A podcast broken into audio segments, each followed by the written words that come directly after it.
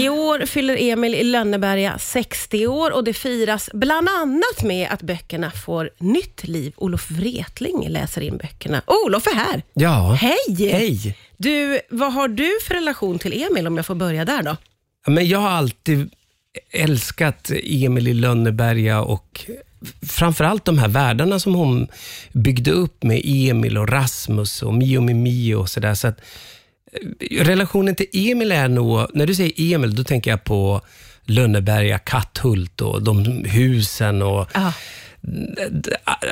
att bli jagad av någon över gräset och hinna dra igen dörren och lägga på haspen och tälja en gubbe. Så det är nog mer, för mig är Emil och Astrid Lindgrens berättelse ofta förknippad med världar som Ja. man kliver in i. Jag fattar. Och Det var helt underbart att få kliva in i dem igen. Det var superlyxigt.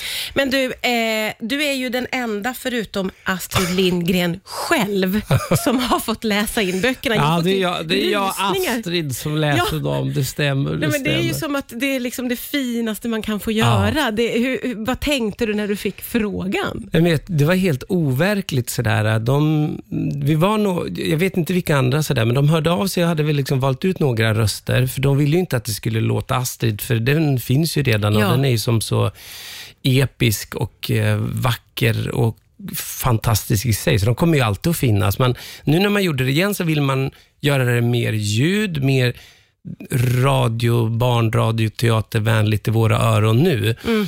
Så då var det nog några som fick prova att läsa in och så blev det lilla jag som fick läsa in Emil. Så det var, ju, det var helt galet. Men det hur var. tog du dig an den uppgiften då? När du liksom fick testa läsa in, hur tänkte du att du ville göra det? Jag läste nog böckerna 20-30 gånger sådär för att till slut bara försöka sluta höra Astrids betoningar. Och, för det är helt meningslöst att försöka liksom göra någon så här copycat på någon. Sådär, Ja. Utan försöka hitta en egen eget sväng i det. Så var det också väldigt tydligt att de var ute efter mig och inte att det ska vara, göra småländska dialekter, och försöka låta sådär. Nej. Utan det skulle vara jag, för det var det de ville ha. Ja. Och, och då blev jag ju lugn. För jag kan ju vara jag. Ja, ja, ja. ja, och dessutom, för det har ju vi pratat om här, så Mm. har ju du ett otroligt älsk för eh, att göra dialekter och röster och Ja. att uttrycka dig. Så Ja. det måste ju ha varit lite av ett drömscenario då. Ja, men det var helt otroligt. Sådär. Många av de här um, scenerna som vi läste in, så jag gör alla röster. Till exempel när um, det är stort kalas i Lönneberga och sådär. Så då är, fick man göra tio röster. Ja. Och, eh, ja.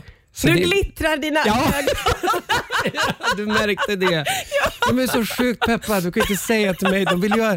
Du bara, men Olof, vi måste gå hem nu. Nej, men vi tar en till här när, när kusken säger...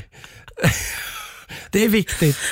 Är så otroligt rätt person på rätt plats. Man förstår att det är du och Astrid som får det här uppdraget. Vi måste prata lite om vilka favoritkaraktärer du har att göra, men det gör vi alldeles strax här på Rix FM.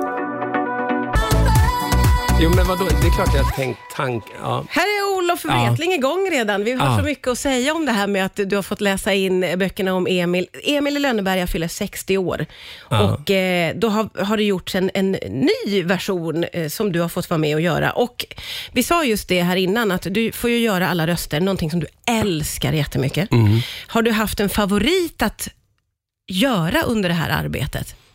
Ja, men det, det, är väl att försöka så här... äh, Man har ju de här bilderna av eh, Alfred speciellt med Björn Gustafsson den, den äldre, Ja. om man säger så fortfarande. Ja, ja just det. Båda är, förlåt Björn Gustafsson den yngre, men så jävla unga är du inte längre. Nej, inte längre.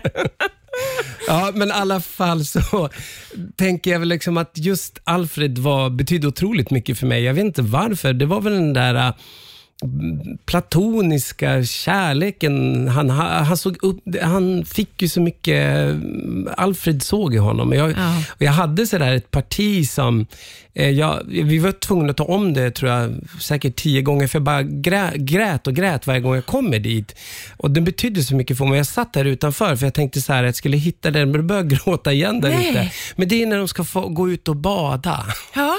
Jag tycker det är så himla, himla vackert. Kan inte jag få läsa jättekort? Jo. där? Nu ska vi se om jag klarar det här. Då. Men, gud, blir du så rörd? Ja, men jag tycker det är så fint att det är Astrids språk, hur hon, och liksom, det, det är ju då när eh, Emil har klättrat upp på skorstenen och han skrämmer ju då Alfred och, och, och pigan då, som, som Lina som sitter där och åmar sig runt Alfred. Och han, Lina blir rädd för att han är ju alldeles sotig och så säger Ah. Alfred, hoppa ner nu då, för att nu måste de ju gå och bada. Ah. Bader. Men i katthud eh, ehm, och Emil hoppade, hoppade ner Alfreds famn, mitt i famnen på Alfred. Och sen gick de bägge två ner till sjön och badade. Det behövde Emil. Men i Katthudssjön, bland vita näckrosor, simmade Emil och Alfred omkring i det svala vattnet. Och på himlen satt julimånen röd som en lykta och lyste för dem. Du och jag Alfred, sa Emil. Ja, du och jag Emil, sa Alfred. Tror jag det. Ja, det är jätte, jättefint. Det är. Ja, verkligen det är ett sånt jätte- moment Ja, mellan så. de två. Och hon lyckas liksom i språket Ja. med så få meningar och ord och mejsla fram de här situationerna av där man, hur hon är så expert på att se barnets behov och törstande efter äventyr, men också tröst och att, ah, det är så fint. Ja, det är verkligen Ja, fint. det är väldigt bra. Och så har du fått vara med och liksom föreviga det här igen. Ja, läsa in det igen. Ja, Jag har försökt att häftigt. inte tänka på det, men jag har ju väldigt livlig fantasi. Och liksom, men jag, när jag höll på att läsa där, jag minns det någon kväll jag hade suttit och läst böckerna för femtonde gången.